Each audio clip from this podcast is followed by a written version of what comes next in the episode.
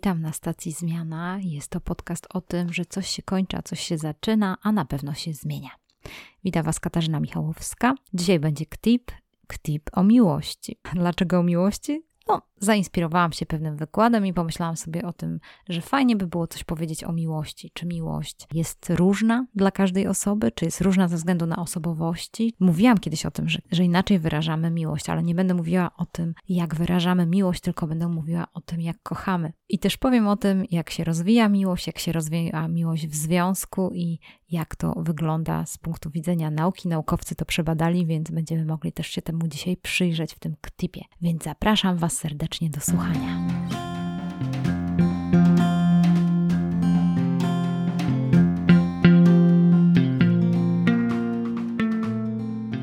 Badania pokazują, że uczucia pomiędzy partnerami w związku opartym na miłości może mieć różny charakter w zależności od osobowości partnera, od jego przeżyć, oczekiwań, jaki on jest. I są po prostu różne rodzaje, różne typy miłości i można ich wyróżnić wiele. I ja tutaj zgromadziłam kilka typów miłości, które Wam dzisiaj omówię.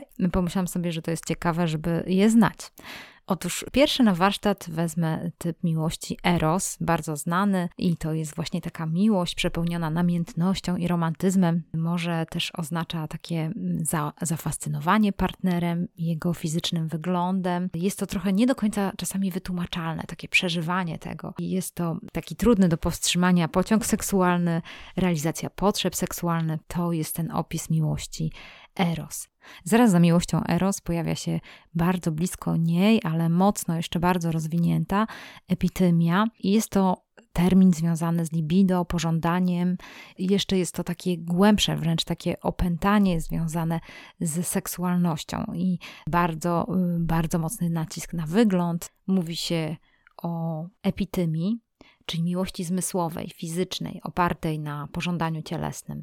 Eros w odróżnieniu do niej jest bardziej romantyczna, w której dominuje sentyment, tęsknota, oczarowanie tą osobą, pragnienie spełnienia tej, y, tej seksualności. I tutaj jest taka różnica, ale gdzieś one są osadzone na, tym, na tej zmysłowości i fizyczności. Następną miłością, którą mogę wziąć na warsztat, jest filia, fileo, niektórzy mówią, oznaczająca przyjaźń, bliskie więzi rodzinne, ludzką solidarność i właściwie to jest takie braterstwo. Czasami wyrażające się w takiej filantropii, pomocy, pomocy drugiej osoby, dobroczynności, więc ta filia tutaj gdzieś nam się pojawia. Następna miłość to jest miłość storge. To taka miłość przyjacielska, związek oparty na storge. To są takie uczucia spokojne, łagodne, kojące, takie, które już y, są takie silne z drugiej strony i trwałe, wyrażają przywiązanie do siebie, ale najważniejsze jest ta praktyka oraz troska o partnera. Czyli storge daje nam poczucie bezpieczeństwa. Następną miłością jest pragma. Opisywana jest jako miłość praktyczna. Jest oparta na racjonalnych argumentach, to jest takie racjonalne lokowanie swoich uczuć. Partnerzy nie przeżywają wielkich namiętności, raczej porównują zyski i straty, bardziej takie ich bycie w związku jest bardziej przyziemne. To, co łączy dwie osoby, to raczej te długofalowe, korzystne konsekwencje tej miłości. Następną miłością, którą chciałam opisać, e, chociaż właśnie wiecie, to jest takie trudne. Miłość, co to jest miłość? To jest jakieś przeżywanie. To to uczucie, które mamy w sobie do drugiej osoby. Ona się w jakiś sposób wyraża, ale też jest połączona z tymi emocjami, uczuciami, tym, co czujemy do tej drugiej osoby. Jest też taka miłość ludus. Uczucie dotyczy osób, które traktują związek przede wszystkim jak zabawę. W tym wypadku nie są silnie zaangażowane w związek, bo to raczej utrudnia tą sytuację niż pomaga. Miłość jest tu pewnego rodzaju grą często połączoną ze świadomym manipulowaniem lub nawet i czasami z oszukiwaniem partnera. Jest też miłość, która się nazywa fin amoros. Tak się po, pojawia się takie, takie sformułowanie. On się dopiero pojawił chyba w XIX wieku i jest uproszczeniem zjawiska takiej miłości, y, która się przejawia w jakich elementach kultury. Jest to taka, no też jest nazywana miłością dworską. Jest specyficzny charakter tej relacji pomiędzy y, kochankiem a, a, tą, a tą osobą kochaną. I jest to takie jakieś coś dyskretnego, coś na zasadzie takiego niekoniecznie spełnionego. I często mówi się, że ta miłość dworska, dawna miłość dworska, tyczy się takich relacji zawiązanych w sieci, ale związanych na przykład z tym, że to jest gwiazda, którą uwielbiamy. I my ją darzymy miłością, czyli gdzieś tam jej przekazujemy miłość. I jest taka ciekawa miłość, która nie jest spełniona. Mówi się też, że, że to może być taka miłość, która jest skierowana do osoby, której nie możemy mieć, z którą nie możemy być. Ona jest wyrażona właśnie w tym finamoros, tak to się nazywa, i możemy wtedy sobie karmić swoje emocje, karmić swoje uczucia czy swoje wyobrażenia. Następną miłością, którą tutaj chciałam też omówić, jest narcyzm. Jest to pewna taka cecha osobowości, czy jakieś takie tendencje w osobowości, że też jest taka miłość narcystyczna. No, miłość narcystyczną trochę kojarzymy z miłością własną, ale osoba narcystyczna również się angażuje w związki i ona raczej oczekuje ze strony tej drugiej strony oddania i nie widzi sensu, aby odwzajemniać potrzeby drugiej strony. Często buduje relacje w oparciu o dewizę, co ty możesz mi dać też jest bardzo czuła na krytykę i ta miłość bardzo szybko ma takie wzloty i upadki, ta miłość narcystyczna, bo kiedy spotyka się z krytyką od partnera, to od razu tego partnera chce odrzucać albo rezygnuje z tej miłości, bardzo łatwo rezygnuje ze związku. Więc tutaj też jest taka miłość narcystyczna. Na pewno słyszeliście również o miłości agape. Miłość agape to jest taka miłość, która można powiedzieć jest idealistyczna, bo chyba wydaje mi się, że nikt z nas nie jest w stanie kochać y, w taki sposób, jak to wprowadził Jezus Chrystus w czasach chrześcijańskich, czyli on oddał swoje życie za innych, ale nie oddał za ludzi, y, którzy byli jego przyjaciółmi, ale tak naprawdę byli jego wrogami. Więc to jest taka miłość, w której jest bardzo, bardzo dużo poświęcenia, poświęcenia ponad możliwości ludzkie. Mamy przykład e, świętego Maksymiliana Kolbego, który oddaje swoje życie za, za innych, ale to jest nie takie poświęcenie, o którym, które zrobił Jezus. To jest nawet ciężko po, porównywać, a co dopiero kogoś tak kochać. Więc na pewno jest to miłość altruistyczna, przede wszystkim bezinteresowna, trwałe oddanie partnerowi, takie uczucie, któremu towarzyszy nieustająca cierpliwość, która jest pełna poświęcenia, troska o partnera. Kochankowie często zapominają o dobru własnym, tylko myślą o dobru dru drugiej osoby, ale ja tak myślę tak naprawdę, że nie ma takiej osoby, która umie kochać miłością agapę. To jest moje zdanie. Może macie odmienne zdanie. Jest jeszcze miłość obsesyjna, miłość, która nazywa się mania. Często opisywana jako opętanie przez własne uczucia, y, porównywalna do szaleństwa, przybiera różne postacie objawów fizycznych, y, takich jak podniecenie, bezsenność, gorączka, brak apetytu, bóle w klatce piersiowej. No i ten maniakalny kochanek nieustannie myśli o swojej ukochanej, ciągle potrzebuje jej uwagi Jakiekolwiek brak odwzajemnienia jego uczucia sprawia ogromną przykrość. No, niewielka oznaka sympatii przynosi ulgę, choć potrzeba uwagi i uczuć od strony ukochanej nie jest możliwa do całkowitego zaspokojenia. E, ten rodzaj miłości bardzo często przeżywają nastolatki, choć może się pojawić również u osób dorosłych i jest przepełniona namiętnością, ale niewiele jest w niej zaangażowania w związek oraz tej satysfakcji, tego partnerstwa, z tego, że jesteśmy razem, że się kochamy, że E, wspólnie razem budujemy tą relację. Niektórzy jeszcze wyróżniają miłość platoniczną, czyli taką miłość wzniosłą, wyidealizowaną, wolną od seksu, zmysłowości. Może to jest taka miłość przyjacielska, chociaż miłość przyjacielska to bardziej jest e, powiązanie z miłością fileo. Tam jest przyjaźń, tam jest troszczenie się wzajemne, ale ta miłość platoniczna jest bezinteresowna, lojalna, wierna, stanowi motyw, czasami był, to jest taki motyw w literaturze, sztuce czasów renesansu. Y, nie wiem, czy, czy ona teraz w ogóle istnieje, czy nie. Trochę jest podobna do do tej miłości dworskiej, o której mówiłam wcześniej. Ale ogólnie, gdy upraszczamy, jakie są rodzaje miłości, to mówimy głównie o tej epifemii, o której mówiłam, i eros, czyli miłość zmysłowa, miłość romantyczna, fileo, czyli miłość wolna od seksu i zmysłowości, ale przyjacielska, bezinteresowna, lojalna i wierna. Storge to miłość dająca poczucie bezpieczeństwa. Często jest kojarzona właśnie storge, to jest ta miłość, która się wyraża y, na przykład miłość matczyna, miłość ojcowska, tak się kojarzy miłość storge. Agape to miłość bezinteresowna i bezwarunkowa, która kocha za nic.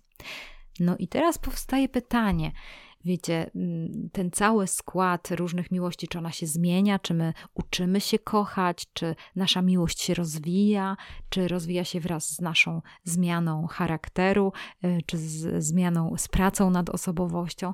I z pewnością tak, dlatego że y, zaraz powiem Wam kilka teorii związanych z rozwojem relacji w związku i z rozwojem bliskości. I tam właśnie ktoś próbował stworzyć takie narzędzie, żeby to omówić, jak wygląda rozwój takiej miłości, jak ona się rozwija. Na rynku polskim jest profesor, doktor habilitowany Bogdan Wojciszkę i on bardzo dobrze mówi o miłości i przemianach miłości, jak to wygląda. Jego badania, tak podejrzewam, prawdopodobnie oparte są na badaniach Roberta Sternberga, który uważany jest za takiego ojca rozwoju miłości, opisu, jak ta miłość się rozwija. A ja w skrócie, ponieważ to jest KTIP, mogę omówić, jak to wygląda. Wy sobie możecie doczytać, bo pozostawię kilka linków, gdzie będzie można poszukać tych osób i może na przykład kupić książkę albo posłuchać jakiegoś wykładu. W każdym razie miłość według koncepcji Roberta Sternberga to składa się z takich trzech elementów: namiętności, intymności oraz zaangażowania, albo inaczej mówią na to zobowiązanie. Jeżeli chodzi o tą namiętność, to jest y, właśnie od razu nam się kojarzy z tą miłością Eros, czyli są, jest to taka pewna układanka bardzo silnych emocji, zarówno tych pozytywnych, jak i negatywnych, czyli zachwyt, pożądanie, radość, ból, niepokój, zazdrość, tęsknota. Emocjom tym bardzo towarzyszy taka silna motywacja do połączenia się z partnerem. No i to na pewno znamy. To jest ten moment, kiedy przeżywamy ten moment zakochania, kiedy nie możemy żyć bez tego SMS-a, czy tej odpowiedzi, dlaczego odpowiedział, czy nie odpowiedział, dlaczego nie napisała, czy czy dlaczego się spóźniła te dwie minuty. Więc tutaj jest mm, bardzo mocny wyrzut tych e, endorfin i, i z pewnością też dużo, dużo, dużo emocji. Jeżeli chodzi o intymność, to, to są takie pozytywne uczucia towarzyszące człowiekowi, które wywołują przywiązanie i bliskość oraz wzajemną zależność partnerów od siebie. To jest ten, ta, ten składnik intymności. A o co chodzi z tym zaangażowaniem albo zobowiązaniem? No niektórzy mówią, że miłość to jest decyzja. Decyduję się Ciebie kochać, ja chcę Ciebie kochać. I tutaj te zaangażowanie, zobowiązanie to jest właśnie rozumiane jako taka decyzja, myśli, uczucia, działania ukierunkowane na przekształcenie tej relacji miłosnej w trwały związek oraz na, na utrzymanie tego związku pomimo występowania różnych przeszkód. Więc więc od razu możecie sobie to wyobrazić i namalować w swojej głowie, że jeżeli jakieś są etapy w związku, i, na, i zaraz powiem, jakie są etapy, to z pewnością jest tak, że na początku, kiedy się fascynujemy sobą, kiedy się poznajemy, to ta namiętność jest bardzo wysoko. Ona wystrzeliwuje w górę ze względu właśnie na te wszystkie emocje, które nam się pojawiają, związane z tym, żeby tego partnera mieć dla siebie, żeby, żeby spędzać z nim czas. Również intymność zaczyna pomału rosnąć i idzie w górę, a zaangażowanie nie jest tak szybko rosnącą krzywą. Ona tak jakby rośnie tak jak literka S, czyli na początku jest dosyć nisko, no bo namiętność jest wysoko, ale my jeszcze nie jesteśmy zaangażowani. Zaangażowanie rozwija się z czasem. Nasza decyzja, że kochamy kogoś, że że chcemy z, z tą osobą być, dopiero się rozwija później, czyli tak właściwie w momencie, kiedy namiętność opada. Kiedy ta namiętność już y, zjeżdża w dół, to wtedy ta krzywa zaangażowania idzie w górę. I bardzo ciekawa rzecz jest taka, że Stenberg wymyślił teorię faz związku i powiem Wam, jakie to są fazy. Też jest to bardzo ciekawe, ale oczywiście znamy to, wiemy, bo wielu z nas przeszło przez różne doświadczenia, ale pytanie, czy wielu z nas przeszło przez doświadczenie długiego związku, który by trwał wiele, wiele lat. W każdym razie są takie fazy jak faza zakochania. No to wiadomo, że jesteśmy zakochani i tutaj bardzo mocno ta namiętność się rozwija. Jakiekolwiek przeszkody działają na człowieka mobilizująco, y, no, powoduje to wtedy takie pobudzenie i myślenie, jak mogę te przeszkody, jak mogę je przejść, jak, jak to mogę w ogóle przeskoczyć. No, w każdym razie ta faza zakochania to jest właśnie te serca w oczach i endorfina buzująca w, naszym, w naszej krwi. Następna faza jest faza romantycznych początków. Miło brzmi i to na pewno prowadzi do wzrostu tej intymności, czyli takiego otwartości na tą drugą osobę, gdzie możemy się wzajemnie odkrywać, możemy więcej o sobie wiedzieć, możemy więcej nabierać do siebie zaufania, możemy się też bardziej lubić. No i tak właściwie tutaj już zaczyna się leciutkie przywiązanie do siebie, gdzie już pomału, pomału ta faza związku, y, romantycznych początków przechodzi w fazę związku kompletnego. Związek kompletny jest końcem fazy romantycznych początków, ale tutaj pojawia się zaangażowanie i przekształcenie się związku w tą taką pełniejszą wersję. Jest to wybranie partnera na stałe. W naszej kulturze to prawdopodobnie oznacza małżeństwo albo decyzję bycia razem na długie lata. I ta faza takiego związku kompletnego tak naprawdę jest najbardziej zadowalającą dla partnerów, najbardziej jest nasycona emocjami, dlatego że jest tutaj i wysoko intymność, i wysoko namiętność, i zaczyna już tutaj kiełkować to zaangażowanie, które jest coraz wyżej. I tak naprawdę, kiedy ten związek kompletny przechodzi w związek przyjacielski w momencie, kiedy zaczyna kończyć się namiętność. To, to są pewne hormony. Te hormony mają znaczenie i ta namiętność jest coraz niżej, spada.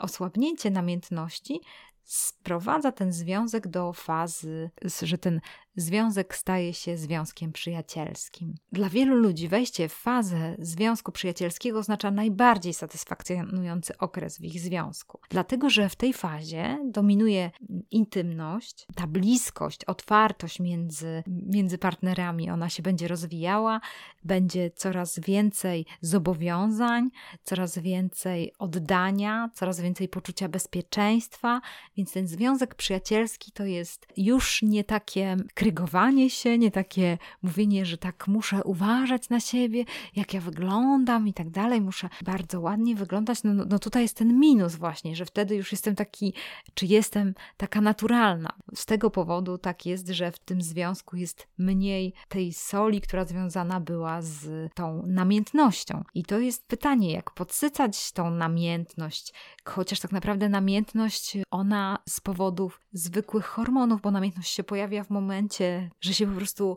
kimś, no mega człowiek zakochał, czyli jest w tej pierwszej fazie związku, e, takiego zakochania, a kiedy już jesteśmy w długoletnim związku, no przynajmniej rok, dwa, trzy, no to już ta namiętność opada. To nie znaczy, że intymność, że nie ma intymności. Tak, może się rozwijać, a namiętność można też podsycać. Można szukać rzeczy, które są, mogą jakąś tą namiętność pobudzić, czy może ona jakoś ten związek znowu radować i można ją podsycać. No w każdym razie, jeżeli chodzi o ten związek przyjacielski, to jest czwarty punkt, który chciałam, żebyście zapamiętali, dlatego że jeżeli będzie tak, że nie będzie podtrzymywania intymności, które będzie na wysoko wystarczającym poziomie, będzie malało wzajemne zaufanie, lubienie się, chęć pomagania i otrzymywania pomocy, no jeżeli nie uda się podtrzymać tej intymności, no to wtedy związek może przejść w ostatnią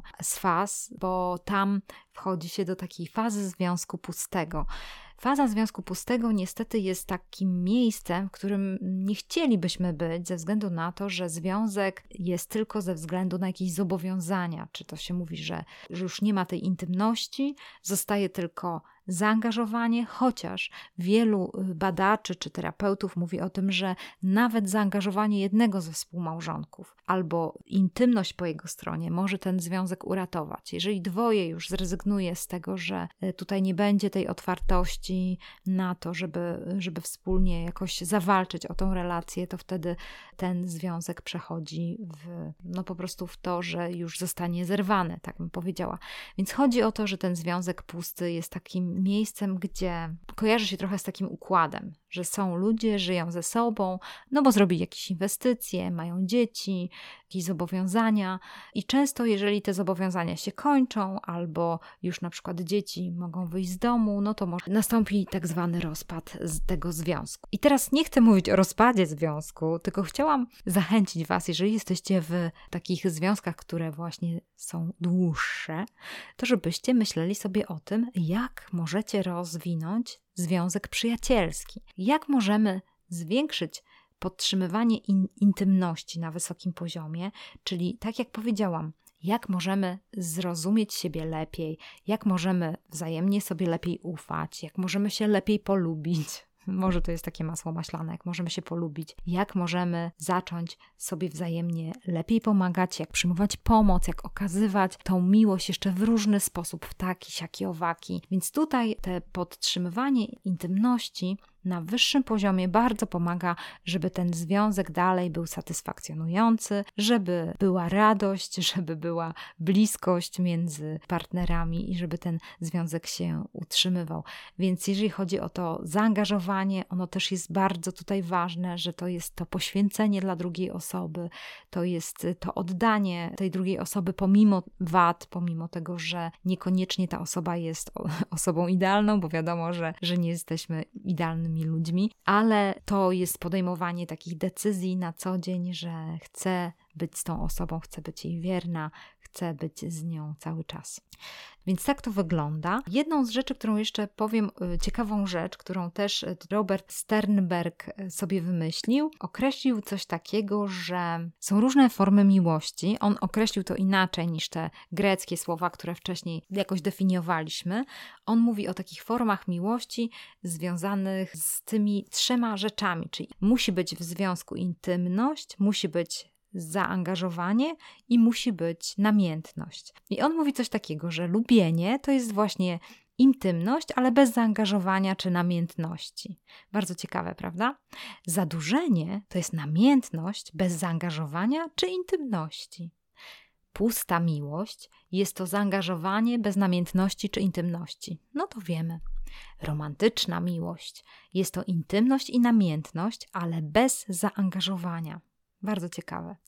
Niedorzeczna miłość, no ciekawe, ciekawe określenie w ogóle, niedorzeczna miłość. Zaangażowanie i namiętność, ale bez intymności.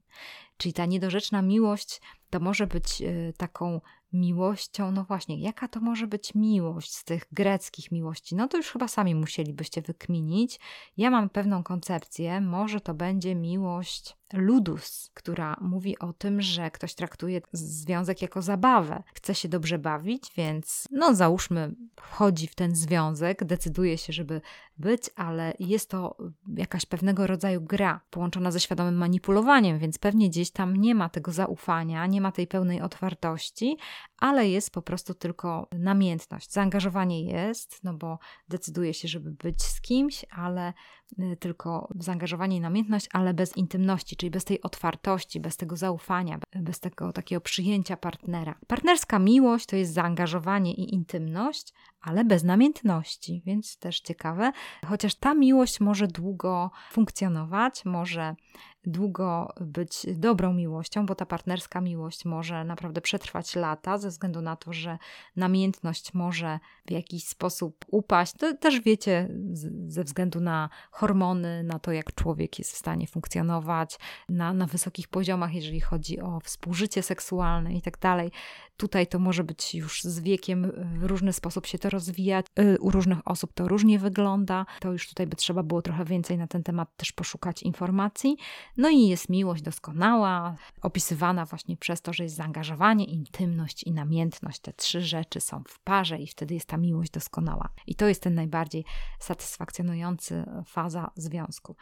Słuchajcie, Więc chciałam powiedzieć o tej miłości, że ona ma różne fazy, że to nie jest tak, że, że zawsze musimy w związku, który już nie jest w fazie zakochania, rozpaczać, że już nie ma tych romantycznych początków, a że kiedyś kupowałeś mi kwiaty i tak dalej, ale warto jest docenić to, w jakim jesteśmy związku. Może jesteśmy w związku kompletnym, a może jesteśmy w fazie związku przyjacielskiego, a nigdy nie byłoby tak z kimś innym, że, że teraz, no to co, no to zmienić partnera i teraz, żeby znowu przeżywać wszystko od początku, fazę zakochania, fazę romantycznych po, y, początków. Może tak być, bo jeżeli chodzi o to, że ktoś nie rozwija w sobie tej miłości, innego rodzaju tej miłości dojrzalszej, no to będzie ciągle pragnął, żeby być na tej wysokim haju, czyli romantyczna miłość, czyli było wysoko intymność i namiętność, bez zaangażowania, no więc wtedy prawdopodobnie będzie się to objawiało w ten sposób, że będzie zmieniał partnerów.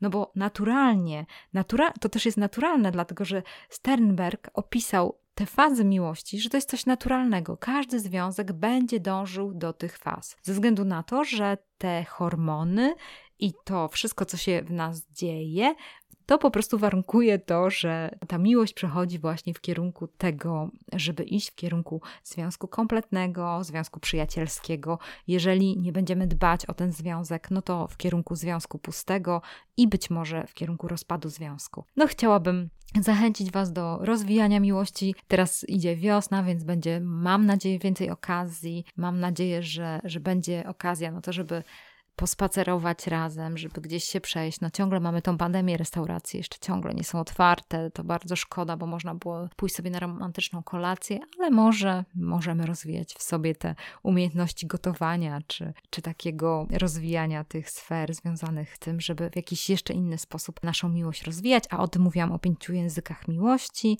więc to może być nawet fajny telefon i fajna rozmowa, albo jakiś fajny prezent, albo fajne przytulenie, więc tego typu rzeczy to już już jest inna rzecz, jak y, pięć języków miłości. Was też zapraszam do tego ktipa, zostawię na dole. No cóż tu powiedzieć, no kochajmy się, kochajmy siebie, ale kochajmy też innych, kochajmy nasze dzieci, kochajmy naszych partnerów, kochajmy się wzajemnie, no bo wtedy życie jest łatwiejsze, bo życie wtedy jest piękniejsze. Więc życzę Wam dobrego dnia, życzę Wam dobrego tygodnia. Niech to będzie dobry czas. Do usłyszenia.